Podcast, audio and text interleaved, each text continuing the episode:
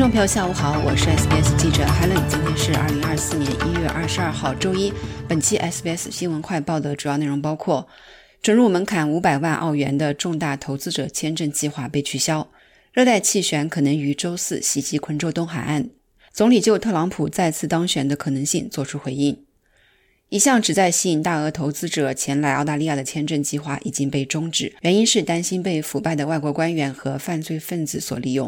阿尔巴尼斯政府已经暂停了重大投资者签证的申请，这将视为十二月发布的移民战略中概述的更广泛的人才和创新签证的一部分加以考虑。内政部长奥尼尔表示，由当时的吉拉德工党政府于2012年推出的这一问题计划是工党继承的破碎的系统的一部分。他说，多年来这一签证显然无法满足我们的国家和经济对移民系统的需求。投资者签证是我们正在改革的移民制度的诸多方面之一，旨在打造一个为我们国家提供实际效益的系统。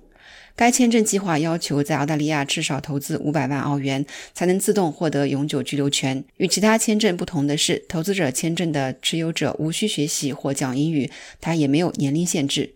有人担心这项黄金的签证计划会让腐败的外国官员和有组织的犯罪团伙成员将黑钱安全地存放在澳大利亚等发达国家。昆士兰州州长史蒂文·迈尔斯表示，热带气旋可能于周四一月二十五号袭击昆士兰州东海岸。气象局预计，珊瑚海的一个低压系统将在未来两天内发展成气旋，并在汤斯维尔附近造成严重影响。该系统将被命名为基里利，预计在向南移动时强度将有所减弱，并将给昆士兰州中部和东南部带来强降雨。总理阿尔巴尼斯对特朗普可能再次当选美国总统一事作出回应，称他已经准备好与澳大利亚的亲密盟友的任何领导人合作。此前有消息称，佛罗里达州州长德桑蒂斯已退出共和党总统候选人提名竞选，而有线电视网委托新罕布夏大学运行的最新民调结果显示，特朗普在新罕布什尔州的下一轮初选中领先十一个百分点。虽然这位前总统的法律纠纷才刚刚开始，但他似乎很有可能获得提名，并在十一月的选举中与现任总统乔拜登对决。